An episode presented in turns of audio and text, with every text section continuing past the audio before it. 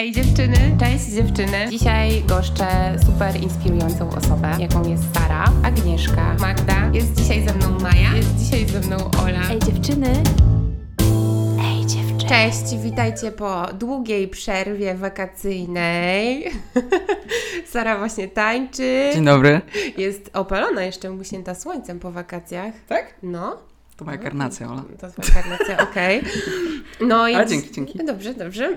No i dzisiaj e, postanowiłyśmy e, stworzyć cykl, znaczy postanowiłyśmy stworzyć odcinek z cyklu Seks Epizod na przywitanie nowego sezonu podcastu Ej Dziewczyny.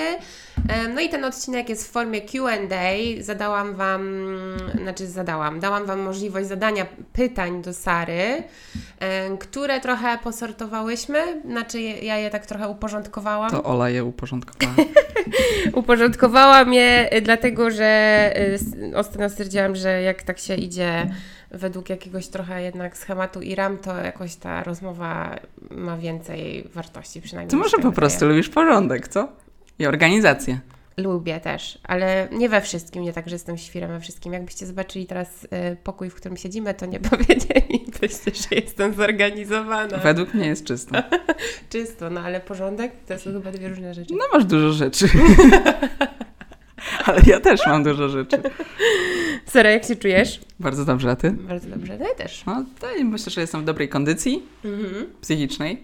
Ostatnio sobie raczej tak myślę, że, że tak jest, no, że się dobrze czuję, a ty? Ja też czuję się zaopiekowana. O, super. No. Czuję, że Ważne. się sama sobą zaopiekowałam. Ja tam ci żółwika. Dziękuję. Ekstra. No dobra, to lecimy z tym. Mm, Dawaj. Mamy pytania, które ja tam sobie podzieliłam yy, na różne grupy Kategorie? i kategorie. I pierwsze pytanie, mm, pierwszy worek z pytaniami, bo to w sumie są dwa pytania, bo nie było też ich dużo, ale wydaje mi się, że jest ich na tyle dużo, żeby z, powstał z tego fajny i dość długi odcinek. Mhm. Mm, No i więc zaczniemy od tematu, który y, pojawia się właściwie mega często w naszych odcinkach Seks Epizod Pogadajmy o seksie, czyli o masturbacji. Mm. I tym razem padło pytanie y, o to, jak się dobrze i satysfakcjonująco masturbować. Hmm, Okej. To jest e, według mnie, po jakichś moich ostatnich researchach, bardzo, mm, bardzo złożony temat, ale też przy okazji dość szeroki, jak się okazuje. E, dlatego, że mm, no właśnie, tą masturbację, czy solo seks, czy samomiłość, jak to lubi nazywać, możemy trochę podzielić na takie trzy kategorie, czyli masturbacja z gadżetami, bez gadżetów lub partnerska. Oczywiście możemy to sobie wszystko miksować i brać z tych ewentualnych takich dobrych technik e, coś dla siebie i to włączać w coś. A, więc ja myślę, że przede wszystkim z tą masturbacją jest tak, że mm, musimy się zastanowić też nad tym, co nam będzie w tym pasować, bo jeżeli rozmawiamy o tym na przykład w nie wiem, z jakimiś koleżankami czy kolegami, bo to też w zależności, Mhm. czy z kimś w ogóle bliskim, no to też musimy się tam zastanowić nad tym, czy nam na przykład mm, jakaś konkretna aktywność w, naszej masturbacji odpowiada i czy, czy też w ogóle się masturbujemy na przykład w jakiś jeden sposób, w jeden konkretny i czy może nie potrzebujemy jakiejś ewentualnej zmiany w tym. Więc tak naprawdę to wszystko możemy dopasować jakoś do siebie i trochę łączyć pewne, pewne rzeczy i techniki. Przede wszystkim w ogóle masturbacja też jest takim tematem, nad którym, się czas, nad którym się czasami nie zastanawiamy tak szerzej, dlatego że to, co kojarzymy z masturbacją, to w ogóle jakaś taka sama aktywność. A to, co fajne jest w tym wszystkim, przynajmniej według mnie, to to, że możemy się do tego jakoś przygotować. I że my możemy znaleźć na to czas na przykład i przestrzeń. Więc, że na przykład możemy się e, dla siebie zrobić jakiś taki klimat i atmosferę do tego, że możemy się nawet przebrać, czy włączyć właśnie muzykę, czy włączyć sobie świeczki. A przede wszystkim bardzo ważna jest ta też intymność, na której pewnie nam, każdemu z nas zależy. Mm, więc, więc to jest taki początek do tego, że żeby w ogóle tą aktywność jakąkolwiek mieć, to zawsze możemy pomyśleć o niej trochę wcześniej, czyli też się samemu właśnie przygotować, jak już powiedziałam. Poza tym, jeżeli chodzi o taką mm, takie dobre pomysły czy techniki na masturbację, to, to właśnie, to tak trochę dostosowywać do siebie i do swoich możliwości. Dlatego, że to też jest coś, co ja trochę odkrywam, to to, że osoby, na przykład nie mówi się za dużo o seksualności osób z niepełnosprawnością, a na przykład one mogą w tym obszarze też mieć jakąś trudność. Ponadto ta trudność może też wynikać z tego, że na przykład jakieś takie psychiczne czy psychologiczne czynniki mogą nam w tym przeszkadzać. I to czasami zdarza się, że jest to na przykład wiara. Ale jak zdecydowanie mamy na to jakąś otwartość, powiedzmy, no to, mm, no to jest dużo, jest masa gadżetów, która może nam w tym pomóc. Jest masa, może nie masa, ale są pozycje, które mogą nam w tym tak naprawdę to ułatwić. E, no i przede wszystkim, mm, no i przede wszystkim ten otwarty umysł na to, nie? że tam nam nic nie przeszkadza, że tam nam nic nie blokuje. Bo jeżeli to mamy oczyszczone, to wydaje mi się, że to jest taka dobra droga do tego, żeby,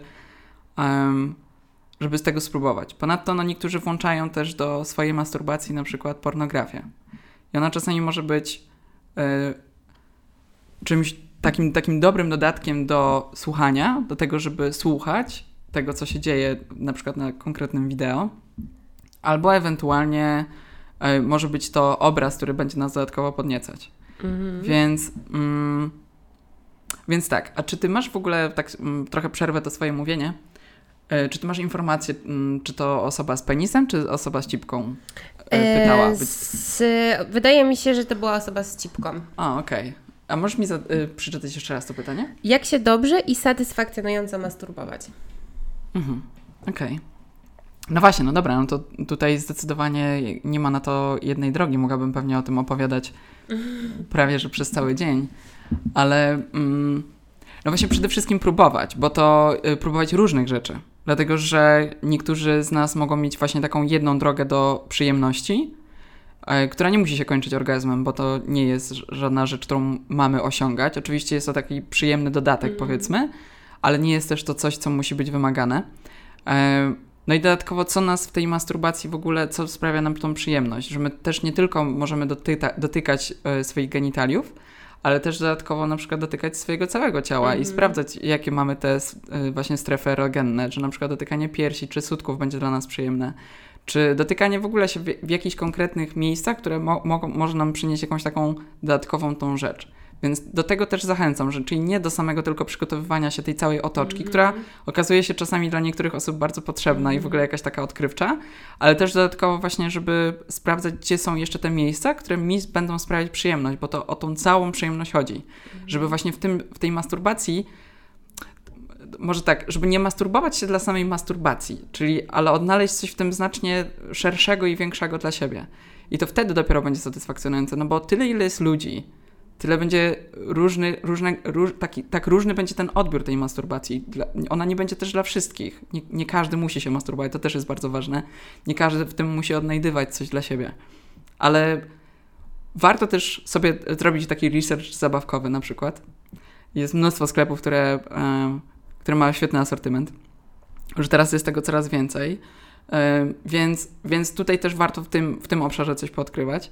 No i dodatkowo też sprawdzić takie nasze, włączyć to trochę fantazji, chociaż wiadomo, nie wszystkie fantazje muszą być naszymi pragnieniami, ale też zobaczyć, co mi się w tym może ewentualnie podobać i co ja mogę w tym sprawdzić. Jak, w jaki mhm. sposób mogę się dotykać, czy w jakiej pozycji, czy ja potrzebuję w to włączać pornografię, czy ja potrzebuję w to włączać zabawkę i tak dalej, jakiś gadżet, więc, więc też jest bardzo, bardzo istotne. Mm-hmm. W ogóle no, dla mnie to jest obecnie bardzo w ogóle taki temat, który pewnie mogłabym wykładać. Może ale... zrobimy po prostu odcinek tylko o masturbacji. O, bardzo proszę.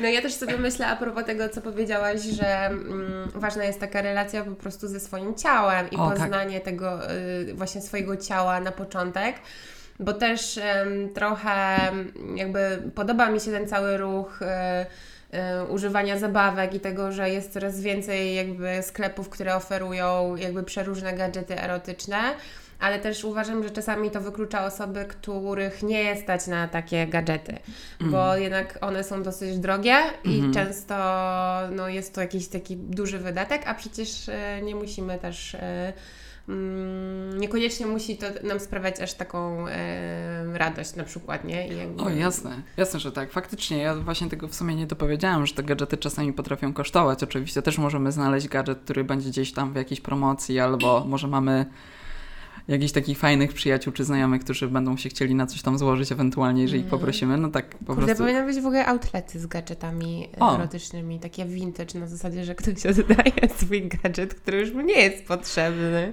Second hand gadżetowy. Second hand, no taki... No wiadomo, wszystko musiało być e, wyczyszczone, i Steryl- sterylne. ale no w sumie te gadżety są już z takich materiałów i tak zrobione, że Mm. nadawałyby się do wielokrotnego użycia i takiego O, właśnie... jasne. O jasne. Jeszcze taki, taką rzecz to powiem, o, tak teraz mi się przypomniała, która jest, wydaje mi się też bardzo istotna i ważna, żeby, żeby pamiętać o lubrykantach, Mhm. ponieważ one są niesamowicie y, ważne i potrzebne i też oczywiście dostosowujemy te lubrykanty no, tak trochę do siebie. No ja zalecam te na bazie wody po prostu, mm, mm, mm, więc coś mi się stało z kartą. Ale Chcesz wody? nie, no mam kawę. Okej. Kawo, pomożesz mi?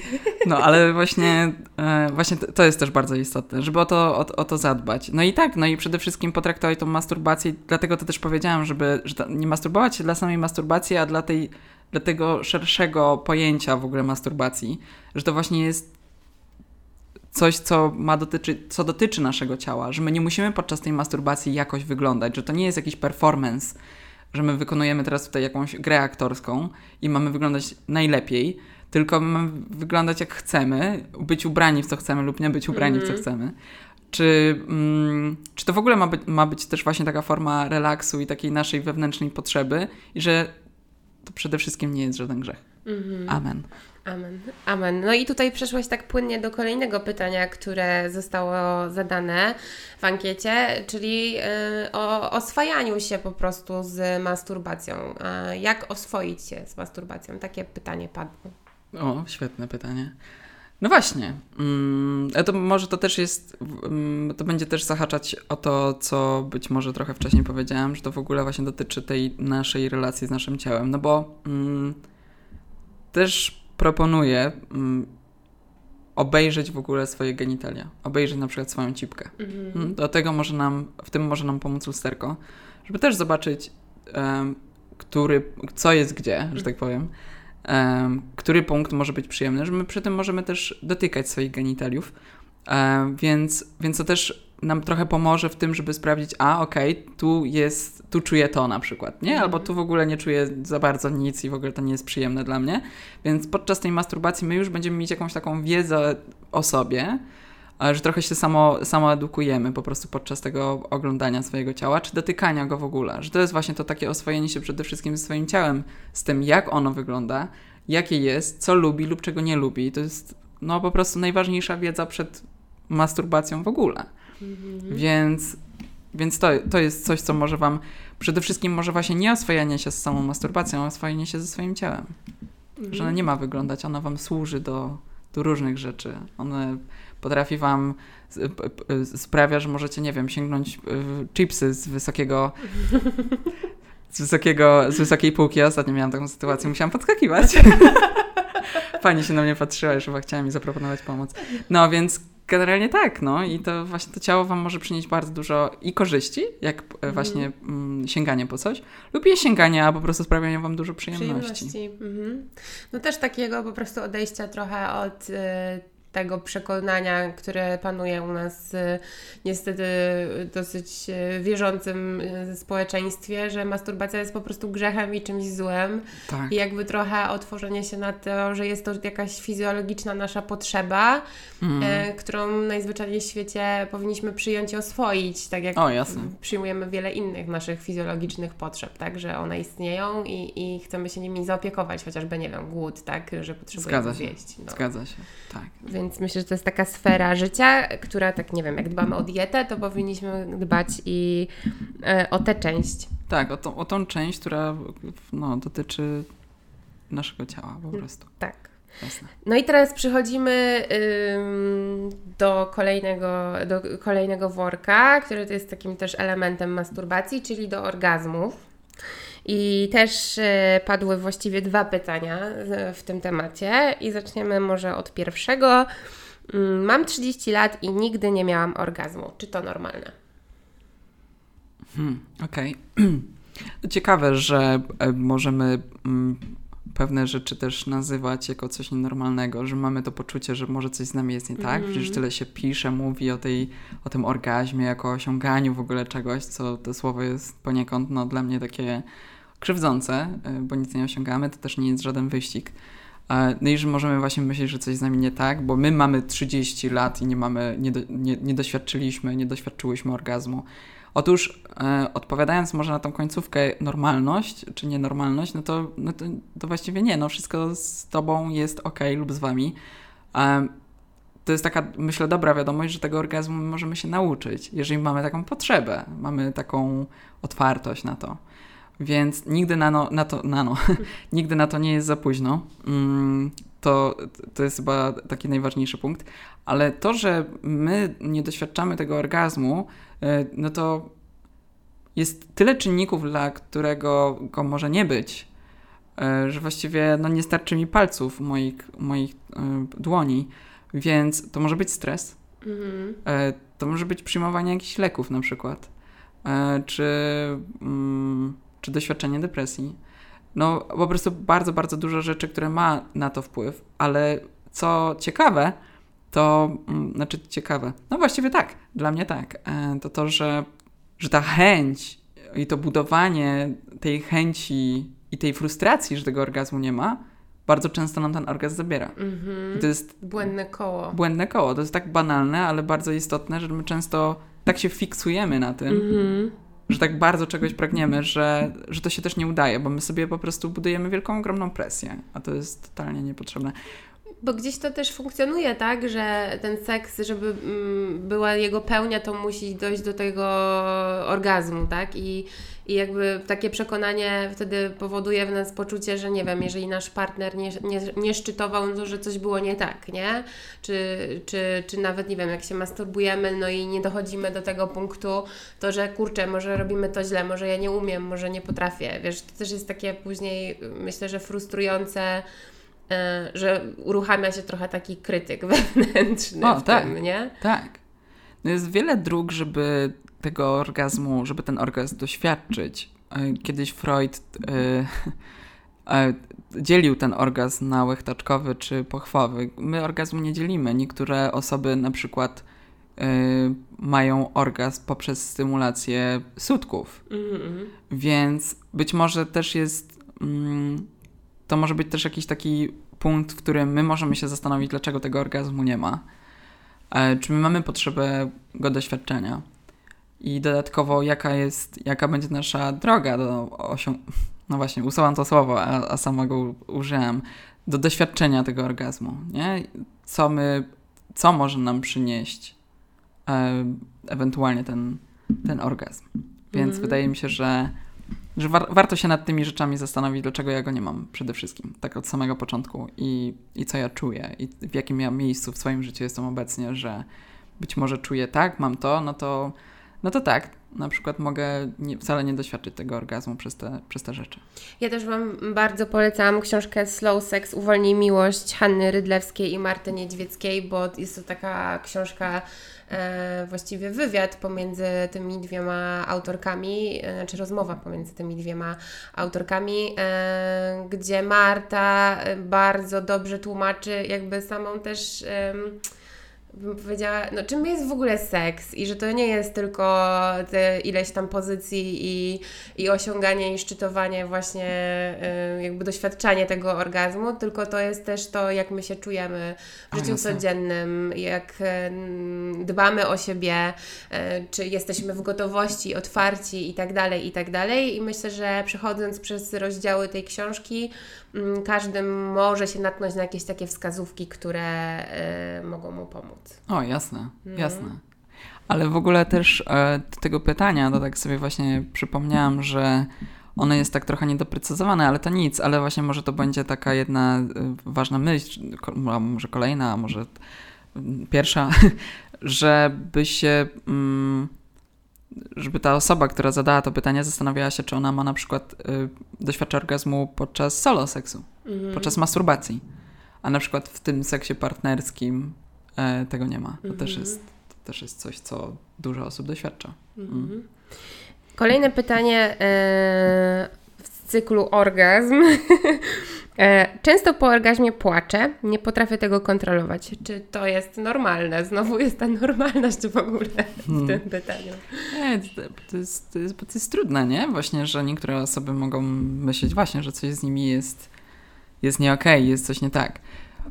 Właśnie z tym płaczem podczas e, seksu czy po seksie mm, to, jest, to jest trochę tak, że jeżeli on się pojawia za każdym razem, e, czy podczas, czy, czy po, a może tu i tu, e, po każdym przez jakiś taki powiedzmy, nie, nie jestem w stanie teraz dokładnie sprecyzować czasu, ale jeżeli to już zaczyna być dla nas w jakiś sposób zastanawiające, zaczyna być dla nas mm, jakimś, jakiegoś rodzaju cierpieniem, to, em, to właśnie jakiś czas temu się o tym dowiedziałem. Mam niestety problem z zapamiętaniem, zapamiętaniem, te, zapamiętaniem tej nazwy, ale postaram się e, ją teraz przypomnieć. Jest coś takiego jak. em, em, dobra, jednak sobie p- pozwolę e, odpalić to co, to, co sama sprawdzałam. E, Dysforia postkoitalna. I to ma, to- jest skrót od tego PCT. I w ogóle to jest dla mnie jakieś takie dosyć nowe od niedawna zjawisko, przez researche, które Mhm. czasami mu- muszę prowadzić, żeby wiedzieć więcej.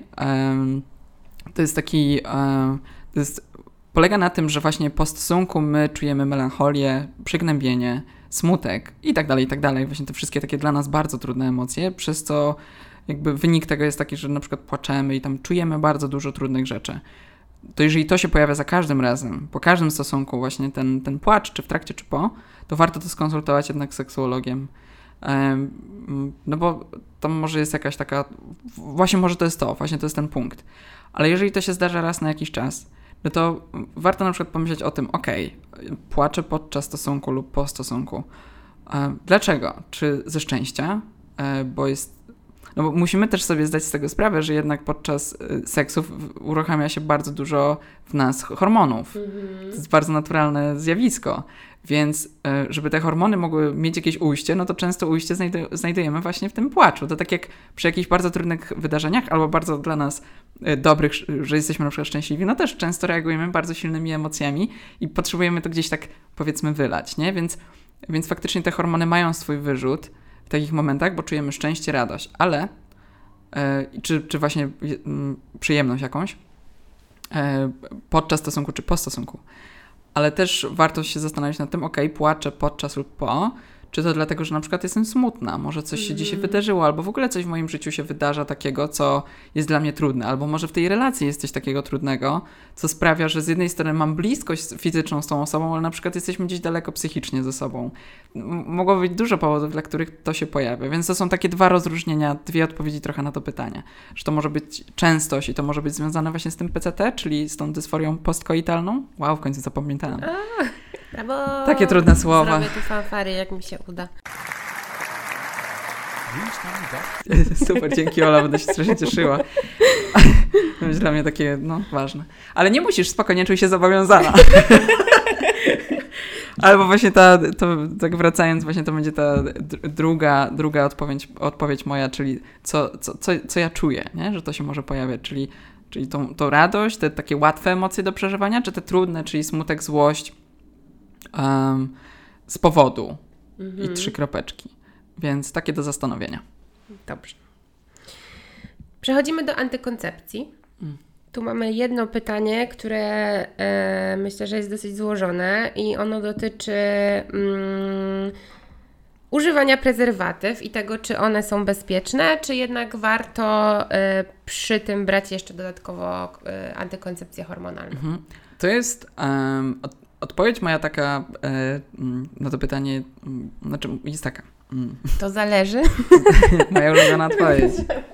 To zależy. To wam powie każdy psycholog. Nie, żartuję, może nie każdy. Może tylko ja tak gadam. Ale dobra, y, skupiając się na tym, no to to zależy, dlatego że to jest, powinien być wasz bardzo indywidualny wybór i opcja i cokolwiek. Dlatego, że jeżeli chodzi o prezerwatywy, no to jak wiecie lub jeszcze nie, prezerwatywy mm, chronią przed, chronią przed ciążą e, w 98%. Ale są pewne warunki, które trzeba spełnić, czyli to, że ona ma odpowiedni rozmiar, to, że jest dobrze nałożona i nie jest uszkodzona. E, wydaje mi się, że wymieniłam wszystkie. Jak nie, no to najwyżej to doprecyzujemy. E, lub może ktoś doprecyzować mnie. W każdym razie to, to są takie warunki. E, I wtedy ona w wielu procentach chroni. Tak jak wcześniej wspomniałam, 98%. Ale e, jeżeli wy nie czujecie się pewnie e, w tym zabezpieczeniu, bo no właśnie, prezerwatywa chroni również od, jeżeli chodzi o infekcje przenoszone drogą płciową. I to jest bardzo, bardzo, bardzo, bardzo, bardzo, bardzo ważne. Więc tu macie takie dwa w jednym.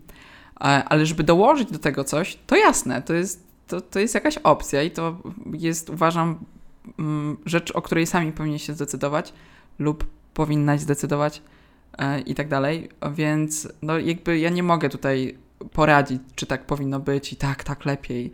Oczywiście to może być jakiś dodatek do tego mm, i to, ale to już jest, uważam... W ogóle przepraszam, ale się, e, w sensie rob- marszczę brwi, bo właśnie wpadłam na jakąś taką rzecz, która do mnie dotarła, że... Śmiało, Ola. że, że często tak jest, y, że mm, stosujemy tą terapię hormonalną po to, żeby nie używać prezerwatyw.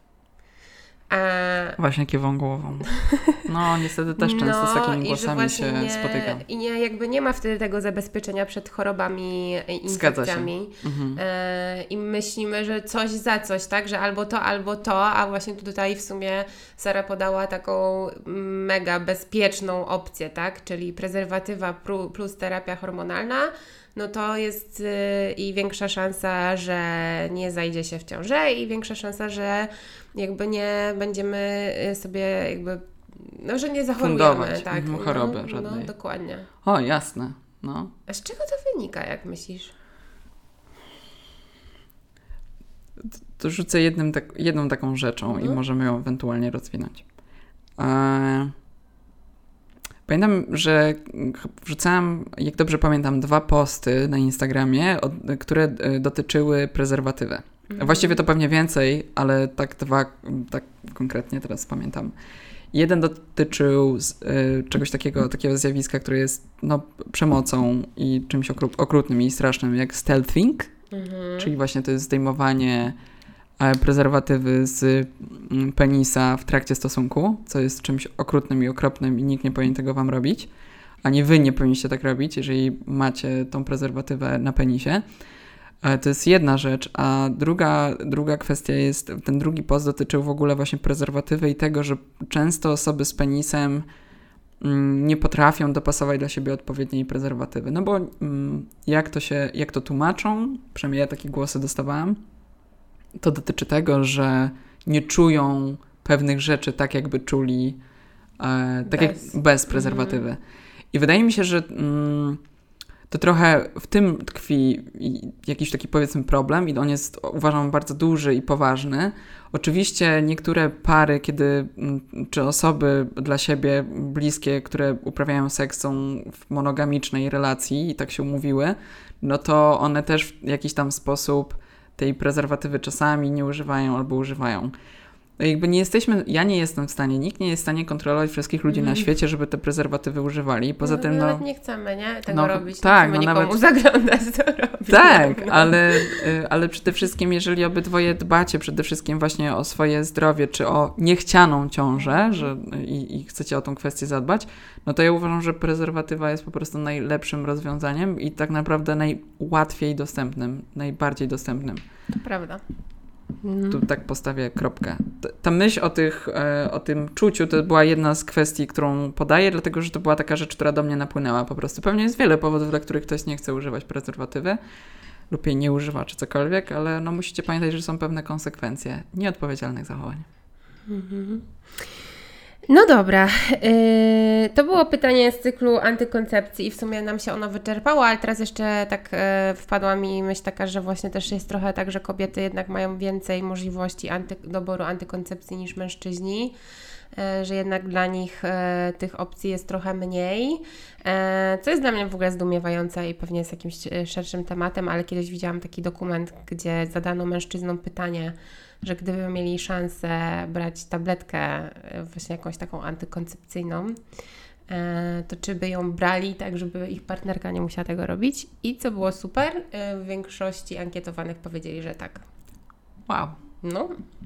I ciekawe jest to, że nie ma żadnych badań w tym kierunku. Może, no nie, nie wiem, nie mam takiej wiedzy, czy nie ma żadnych, ale że nic się nie zadziało takiego.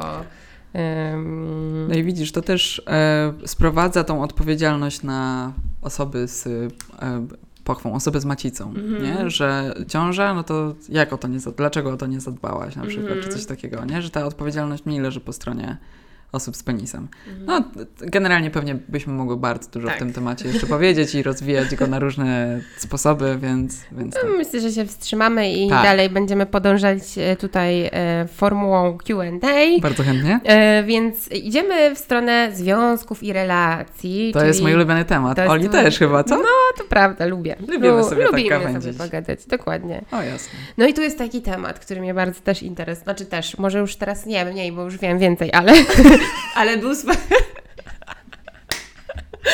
ale swojego czasu był taki moment. Aktualny? Gdzie... Nie, w sensie. No, że był aktualny. Był, tak, był swojego czasu dla mnie bardzo aktualny. Tak myślę, że z 3-4 lata temu i nie A, umiałam okay. tego pojąć. W sensie nie umiałam o, sobie jasne. poradzić z tym. Um, czyli z tą tęsknotą za swoim ex. Jak poradzić sobie z tęsknotą za ex? Sara. Poradź. Uwolnij. Uwolnij te osoby, które tęsknią. Nie wszystkie osoby przestaną czytać te artykuły, które wiem, że czytacie i oglądacie na YouTubie. Słuchaj, w ogóle tak, ja tak sobie, tak sobie widząc to pytanie, myślę, że to jest w ogóle taki niekończący się temat.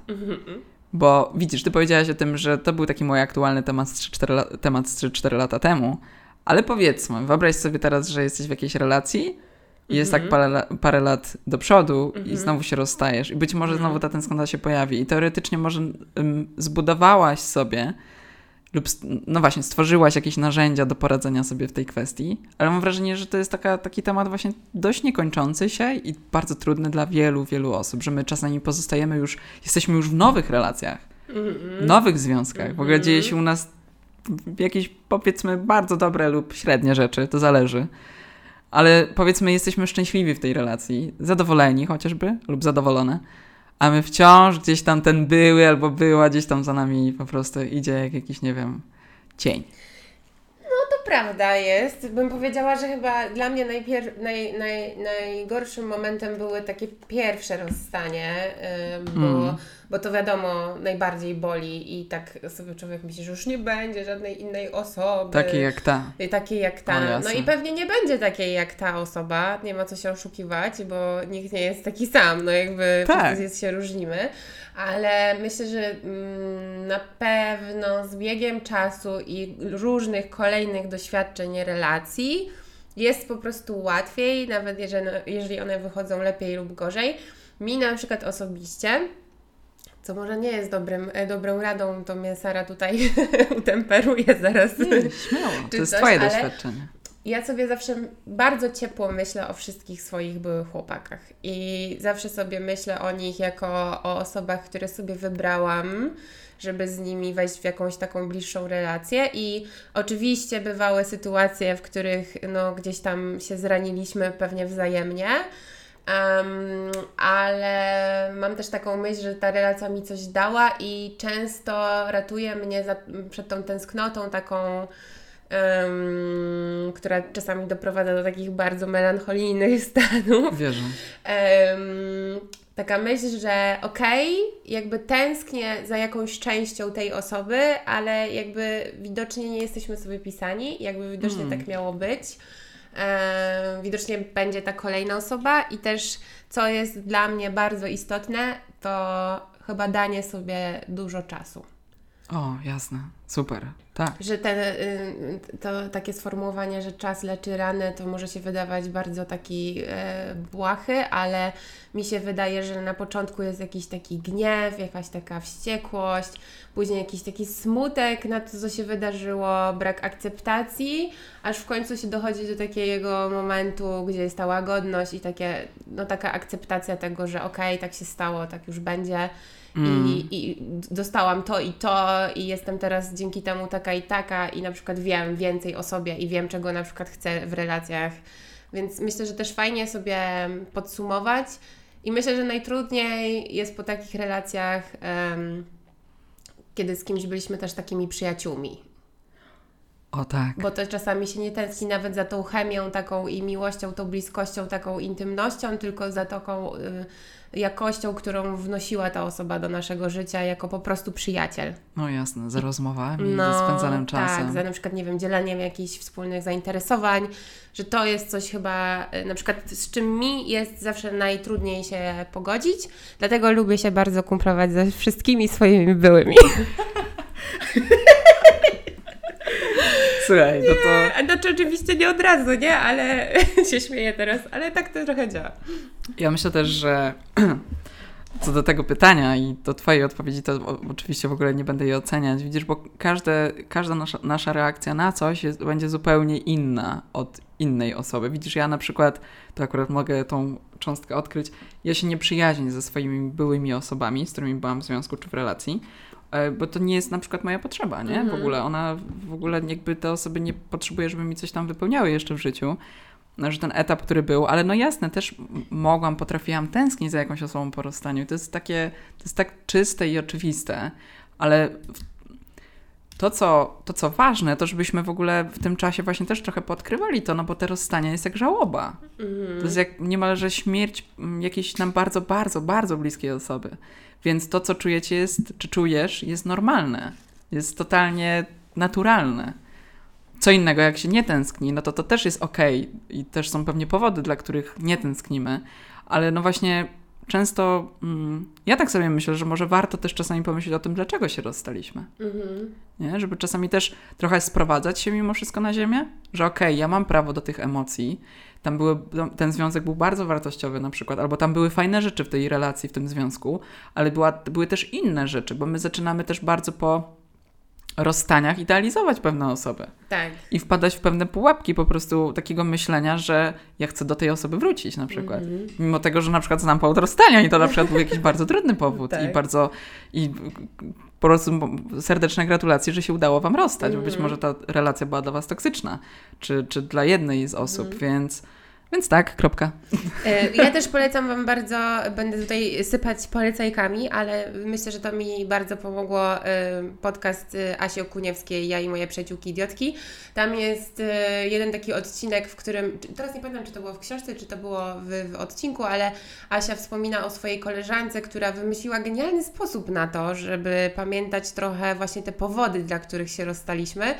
I ta jej koleżanka przyczepiała karteczki w różnych miejscach swojego domu i pisała: Zrobił mi to i to.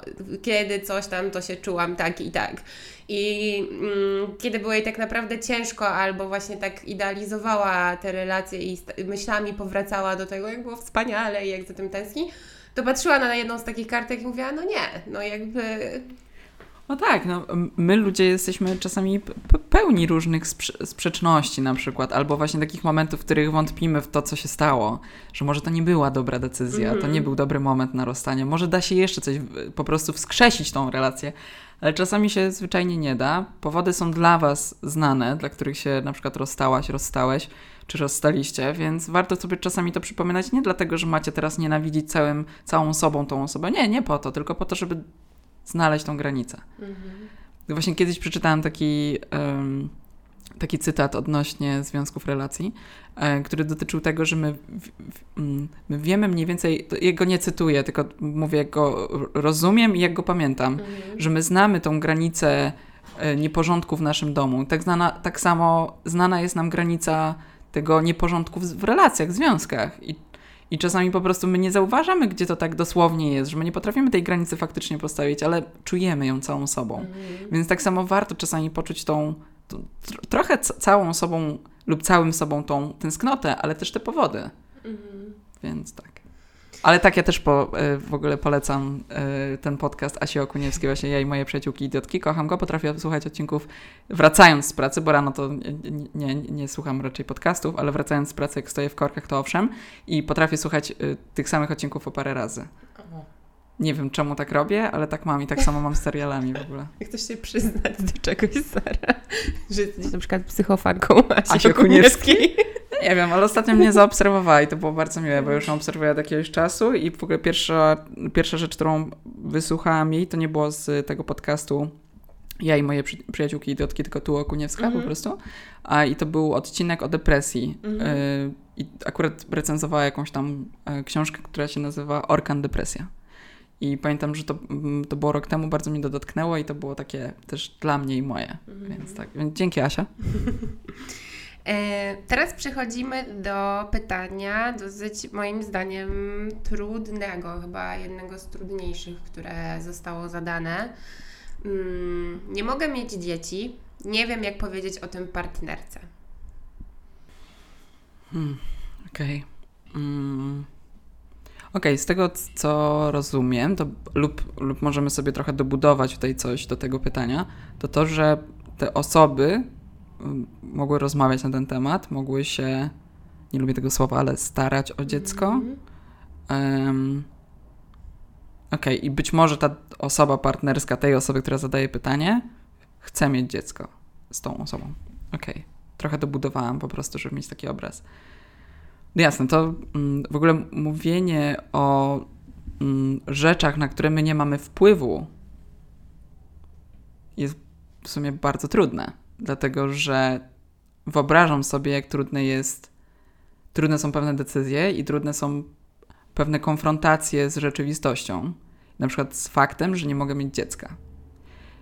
I jeszcze my mamy komuś o tym powiedzieć.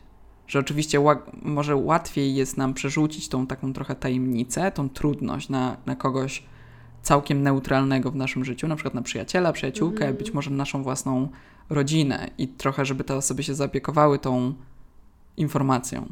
Ale kiedy mamy powiedzieć to osobie, którą, z którą jesteśmy blisko, z którą my tworzymy jakąś teraźniejszą i- i przyszłość i stara, staraliśmy się, starałyśmy się o to dziecko i to się ma nie udać, no to jest to podwójnie trudne. Więc to jest nie przenoszenie nawet tego bólu na tą osobę, tylko my trzymamy ten ból i my w jakiś sposób chcemy się z tym podzielić, bo czujemy, że musimy. I oczywiście uważam, że, że tak, to jest jakaś taka informacja i prawda, która jest. I ja osobiście uważam, że to co ważne, to ta reakcja tej drugiej osoby, że dla tej drugiej osoby to może być równie trudne. Mm. Ale to, o czym warto nie zapominać, to to, że wy z jakiegoś innego powodu jesteście ze sobą. Mm. To piękne. Dzięki, Ola. Mhm. Powiem Wam, że jak przeczytałam to pytanie, to totalnie jakby pomyślałam sobie, że jest to tak abstrakcyjny dla mnie temat, że nie Mm. wiedziałabym, co powiedzieć, że wcale się nie dziwię, w sensie nie zazdroszczę tej osobie. A, no tak, to jest, to jest mega trudne. Ja czasami, mm, wiesz, mm, pomimo tego, że jesteśmy, ty i Jola, już bardzo dorosłe, mm, jesteśmy dorosłymi osobami, to możemy mieć wciąż jakąś na przykład trudność w mówieniu o, Mhm. o pewnych rzeczach.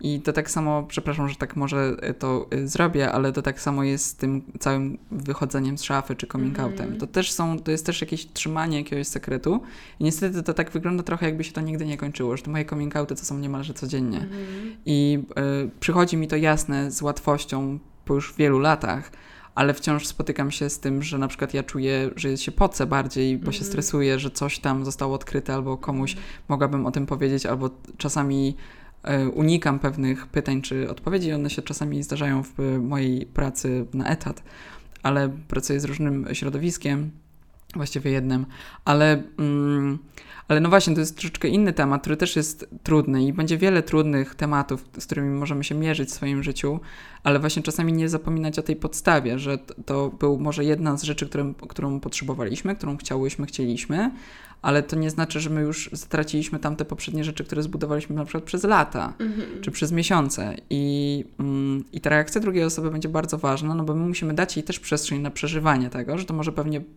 być może to mogłaby być pewnego rodzaju też żałoba, bo to już jest jakaś strata i czegoś, czego nie zrealizujemy, ale mm, oczywiście jest, hmm, żeby trochę nie zapominać, chociaż to nie jest żadna taka polecajka czy podpowiadajka z mojej strony, ale trochę, że sposoby lub sposób na to, żeby posiadać dziecko jest też, są też może trochę inne i Mhm. może też warto to rozważyć. A, także to jest taka rzecz, która może się w Was procesować albo możecie omawiać, ale mm, ale tak, a do, tego, do czego jeszcze dążają? Do tego, że czasami nie musimy komunikować coś bardzo wprost albo rozmawiać o tym, że ten początek może być trudny, że dopiero potem w jakimś etapie możemy o tym mówić, rozmawiać. Ale czasami na przykład, jeżeli jest jakaś trudność, a znajdziecie odpowiedź albo jakiś temat w jakiejś innej formie, na przykład właśnie takiego pod, podcastu, tego pytania, to zawsze możecie podrzucić to Mm. osobie jako znak, że to jest dla mnie bardzo trudne i nawet trudno jest mi o tym rozmawiać. I nie wiem, jak ci o tym powiedzieć, ale to jest fakt, to jest informacja, która jest dla ciebie i chcę, żeby była bezpieczna. Mhm. Trzymam kciuki. Ja też, bardzo, bardzo. Poliamoria. Czy to jest coś, na co możemy się sami zdecydować, czy bardziej to wynika z naszej natury? Jak czujesz, Ola? Jak czujesz? Mm. Albo jak myślisz? To nie ma złych odpowiedzi. To nie jest żaden konkurs. W ogóle bardzo mnie, Ola, od samego naszego spotkania, jestem u Ciebie już chyba z trzecią godzinę, bardzo zastanawia to, co masz na szyi. Nie chciałam nic mówić, ale tak mnie to za- zaciekawiło właśnie ten telefon na tym sznureczku i na Twojej szyi. Czy coś się stało? Jestem przywiązana do telefonu. Trochę tak to wygląda. Słuchajcie, yy, wracając do naszego pytania o poliamorię, mm, trochę się biję z tą myślą, od kiedy dowiedziałam się, że istnieje coś takiego jak poliamoria. Bo ja uważam, że myślę, że gdzieś tam e, w naszej naturze mm, człowieka ciekawego, którego chce doświad- który chce doświadczać wielu rzeczy, mm, taka monogamia nie jest do końca logiczna. Mm. Natomiast myślę, że to jest jakaś forma wyboru, że się decydujemy na to, żeby być oddanym tej jednej osobie. I myślę, że można też się zdecydować na to, żeby być w związku z kilkoma osobami, co ogólnie wydaje mi się w ogóle strasznie trudną robotą, żeby być zaangażowanym w kilka związków. Mm. Nie wiem, tak sama. e, Myślę, że. Myślę, że to może wypływać z czyjejś natury, że taki jest na przykład, nie? Mm. Że chce dzielić tę uwagę na kilka osób, ale y, tak ze swojego doświadczenia i mm, bym powiedziała obserwacji, ym, czasami wydaje mi się, że jest to forma jakiej, jakiejś takiej ucieczki przed y, taką bliskością. I może teraz to, to, to źle brzmi dla kogoś, ale no, takie są moje doświadczenia, że, że gdzieś tam mm, słyszałam od niektórych y, osób, z którymi się spotykałam, że są poliamoryczni, co mi jakby na przykład nie przeszkadzało, ale finalnie gdzieś tam i tak dążyli do tej monogamicznej relacji, Mm. tylko że z tą osobą, która no już jakby wybrali, że to jest ta odpowiednia osoba, więc jakby mam tutaj taki pewien zgrzyt pomiędzy tym, jak to się przedstawia, a jak to czasami, no, jak to często wygląda w praktyce. O, ch- zrozumiałam Cię. No. Wiem, że czują, czuję Twoją intencję, wiem, że nie miałeś nic, nic złego na myśli. Jasne, ja mm, czu- czując tą Twoją odpowiedź, pomyślałam sobie, że tak samo jak możemy realizować związki monogamiczne i tak samo jak będziemy realizować związki poligamiczne czy poliamoryczne, e, no to tu, tu i tam, tu i tu może pojawiać się pewna jakaś trudność e, i pewne jakieś dysfunkcje, czy, mm, czy w ogóle trudności, nie? I, I poniekąd tak, ja uważam, że tu i tu to może być poniekąd jakiś taki wybór po prostu i że no, podobno no, nie jesteśmy y, osobami, czy w ogóle no, ludźmi, którzy umieją lub y, po prostu są stworzeni do, o, stworzeni do monogami. Ale że my możemy dzielić tą miłość na wiele osób. Tylko ta miłość będzie różna Mhm. będziemy ją różnie oddawać, różna w ogóle jakaś taka dynamika będzie też tych naszych relacji i, i, i różne będą te relacje i różne będą miały swoje, różne będą miały kategorie i różne rzeczy będą realizowały się w tej relacji, w tych relacjach.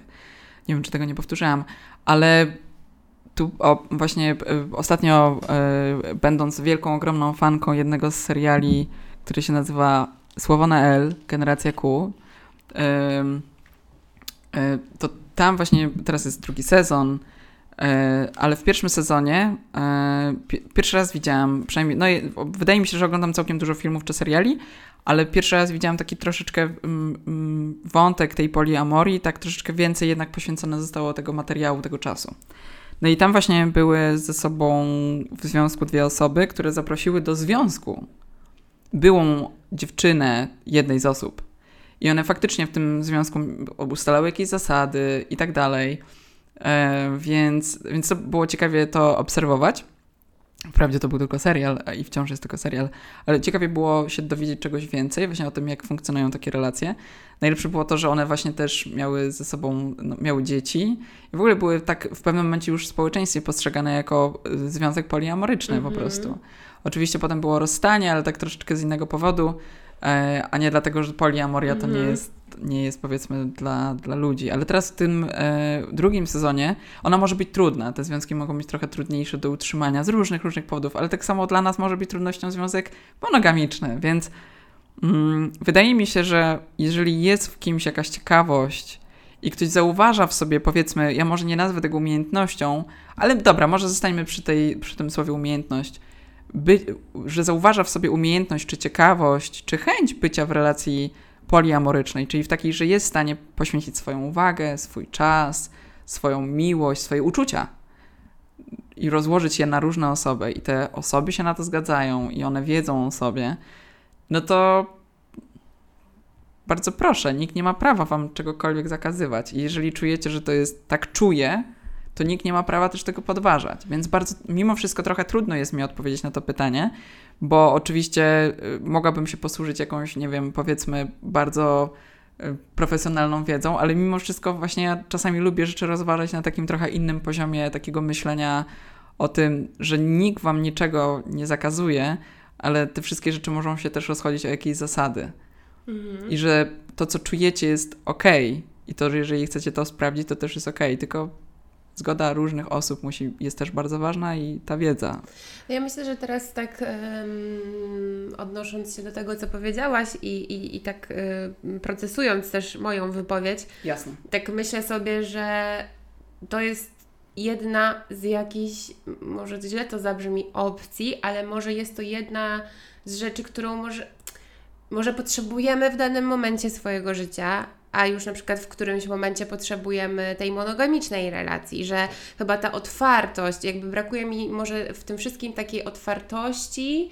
I chyba też tego, że jest to dosyć y, niepowszechne i trochę ciężko jest, moim zdaniem, właśnie utworzyć taki język komunikacji, te zasady. Że myślę, że jeżeli są postawione jakby zasady i tak jakby wyłożona ta karta na stole i wszystko jest ustalone i te dwie czy tam kilka osób się na to godzi, to jest po prostu wtedy łatwiej, bo nikt się nie czuje w jakiś sposób oszukany, że nagle, nie wiem, z takiej poliamorycznej e, relacji ona się przerodziła w monogamiczną tylko na przykład z jedną, drugą osobą, nie? O, jasne. I to jest chyba coś takiego, co mi um, może zgrzytało gdzieś tam w przeszłości, że to jest jakby okej okay wszystko, że jakby tego w ogóle nie oceniam, nie uważam, że to jest złe czy coś, tylko że chyba... Um, Chyba czasami mi, y, wiem co myślę, że mi teraz wychodzi na to, jako człowiekowi czasami brakuje takiego zrozumienia do tego, że nie wszyscy muszą być zawsze tacy sami, że my się zmieniamy i że czegoś potrzebujemy i to jest takie szufladkowanie i czasami po prostu zapomina się o tych potrzebach drugiej osoby mhm. i o tym, że ta osoba może na przykład na jakimś etapie potrzebować czegoś innego, albo ja mogę potrzebować zupełnie czegoś innego i chcę się na przykład wycofać z, z takiej poliamorycznej e, relacji, albo z monogamicznej, nie? I że to jest chyba dla mnie takie może właśnie coś, co sprawia, że ciężko mi jest określić, czy to jest natura, czy wybór. Aha. No. To widzisz, że tak, tak może podobnie możemy to odnieść do... Może tego w ogóle nie powinno się tak klasyfikować, że to jest natura i wybór. A Jezu, byłoby czasami w niektórych rzeczach nazewnictwo byłoby, no. czy no, kategoryzowanie było, jest bardzo dla niektórych osób niepotrzebne. No, tak jak widzisz, ja w sobie odkrywałam w jakiś sposób y, swoją niebinarność mm. i wiesz, to ja zawsze coś czułam, ale nie umiałam tego nazwać. Od kiedy to zaczęło bardziej wchodzić do do naszego umysłu i naszego mhm. języka, to znacznie łatwiej było, było mi na to odpowiedzieć, że tak, tak jest lub nie, to nie to. Mhm. Nie? To tak samo ja pozostaję w związku y, z osobą tej samej płci, Też, no właśnie, zależy jak na to patrzeć. No ale tak, to jest okej dla mnie, że ktoś mówi o nas jako dwie kobiety. Mhm. Że ja jestem z kobietą w związku, czy jestem w związku jednopłciowym, to jest dla mnie w porządku. Bardzo okej. I no właśnie, ale mm, oczywiście nie chcę tego zmieniać, ale po, powiedzmy, rysujemy sobie tylko jakiś obraz, że nie jestem już w tym związku, że poznaję osobę innej płci niż moja. E, czy, czy ktoś powie w takim razie, okej, Sara, to już, to już, to kim ty jesteś? No i właśnie, tu polega na tym, że to ewentualnie to może być moja potrzeba, żeby to nazwać, a nie komuś. Mhm. Oczywiście to komuś, ktoś sobie lubi bardzo, niektórzy lubią bardzo sobie porządkować to życie i świat i wkładać w kategorie, ale czasami się nie da. I to może się dziać na różnych etapach na, naszego życia, bo fajnie jest mimo wszystko, ja tak trochę zachęcam, myśleć o naszej seksualności w ogóle jako czymś bardzo płynnym, czymś, co się może zmieniać. I co jest najlepsze, nikt nie chce nikomu tak naprawdę robić żadnej krzywdy, tylko chce Mhm. realizować swoje potrzeby w różny sposób. Nie? No i właśnie, ale dopóki nie krzywdzimy nikogo, to jest wszystko okej. Więc, więc tak, kropka. Kropka. No tak, to, to jest myślę, że dobre zakończenie to pytanie, bo zastanawiałam się, czy odpowiedziałyśmy w ogóle na nie. Tak, mam wrażenie, że bardzo dużo y, poświęciłyśmy na to czasu mimo wszystko Ale i są rozważań. To, są to jakieś nasze takie yy, spostrzeżenia. Tak Nie? jest, tak jest. Okej. Ja myślę, że bardzo, bardzo inteligentne. Ja jestem z twojego spostrzeżenia bardzo dumna. Mówię, miałam ochotę klaskać, wstać, nie wiem co zrobić jeszcze. Tutaj też wrzucę fanfary.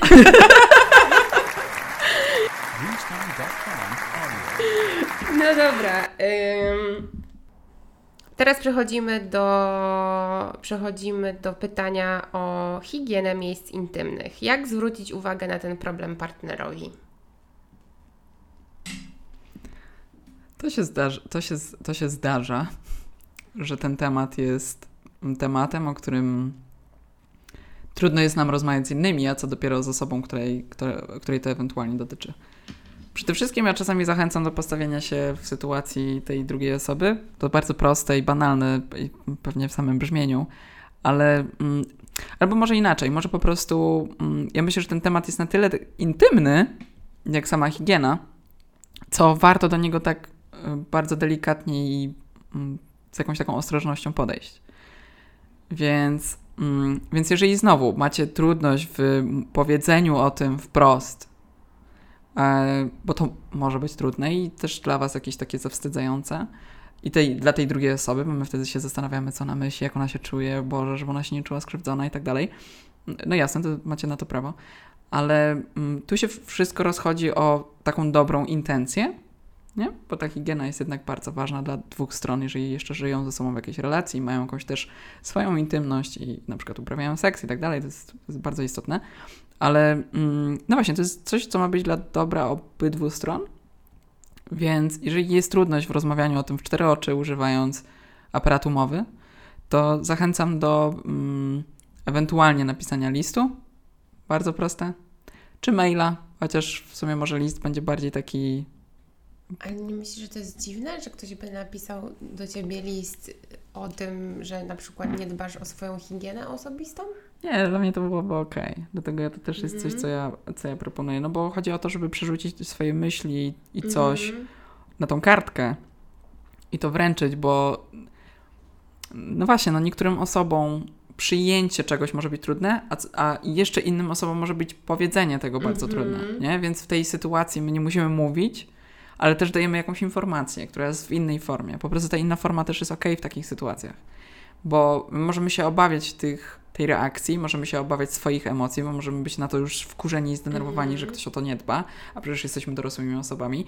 Ale co ciekawe właśnie, to warto też właśnie w tym temacie dowiedzieć się, nie tylko kazać coś zrobić, no bo Mhm. kazać to my sobie możemy, ale dowiedzieć się, dlaczego tak się dzieje. Być może ta osoba nie jest czegoś nauczona na przykład, ma Mhm. może jakąś trudność w czymś i coś tam się dzieje takiego, że ta osoba o, tą, o ten obszar, o tą strefę nie dba, nie Mhm. pielęgnuje w jakiś sposób, który może powinien lub powinna. Więc tu warto też się dowiedzieć, czego potrzebujesz do tego, żeby o tą higienę zadbać. Być może to są jakieś konkretne środki, albo może jest jakaś psychiczna bądź fizyczna Mhm. trudność w tym. Tam może się dziać naprawdę dużo rzeczy, więc nie, nie wymagajmy tylko, tylko też starajmy się dowiedzieć, co się dzieje, co się za tym kryje. Okej. Przechodzimy do worka pod tytułem emocje. Tak to trochę y, nazwałam roboczo, y, bo nie do końca wiedziałam, gdzie umieścić y, te pozostałe trzy pytania. Wszystko jest okej, Ola. Jak przestać myśleć, chcę za dużo seksu? O, okej.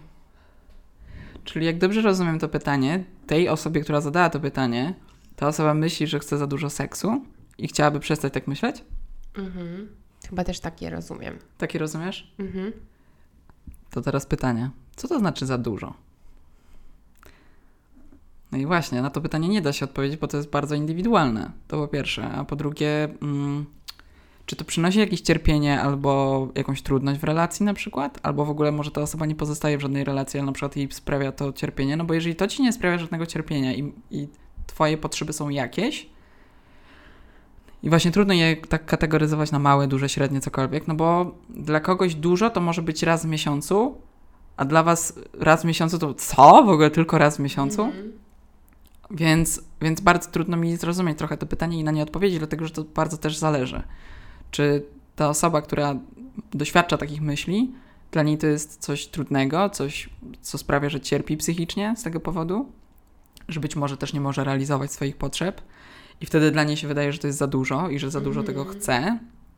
Więc, um, więc może to jest taki dobry, dobry temat do i swojego własnego przemyślenia z, z różnych perspektyw, a przede wszystkim może porozmawiania ze specjalistą, Mhm. bo tam z, za tym pytaniem coś się więcej kryje, a my niestety nie wiemy co. No, Takie myślę, jest moje że odczucie. wymagałoby y, to większego tła, żebyśmy mogły... O, tak, no. Że- żebyś ty mogła, bo ja tutaj, wiecie, tylko zadaję pytania i wtrącam czasami swoje Ja mądrości bardzo to życiowe. lubię. Ola jest taką mądrą osobą. No dobra. Co zrobić, aby znów mieć ochotę na seks? No to, to teraz inne pytanie.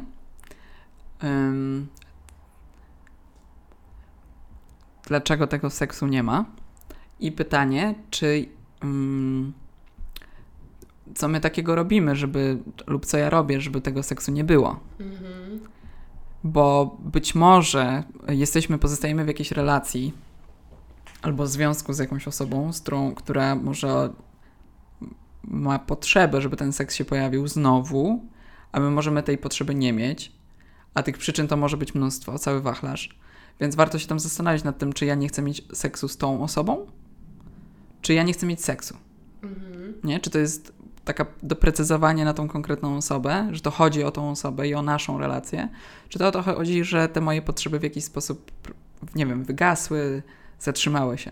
Też warto, mm, tutaj znowu może trochę to powtórzę, warto się zastanowić na to, nad tym, w którym momencie życia jestem teraz, Mhm.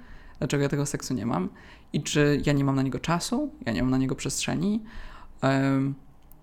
I też, co ja czasami zauważam, to niektóre osoby, albo jak tak coś czasami się w coś zaczytam, to tak zauważam, że niektóre osoby tak trochę robią coś, że tego seksu nie ma, nie? Na przykład ja nie mam na to czasu. To co robisz, żeby nie mieć tego czasu? Mhm. Nie? Że czasami to tak... Jestem zmęczona, Mhm. zmęczony. Okej, no to... No.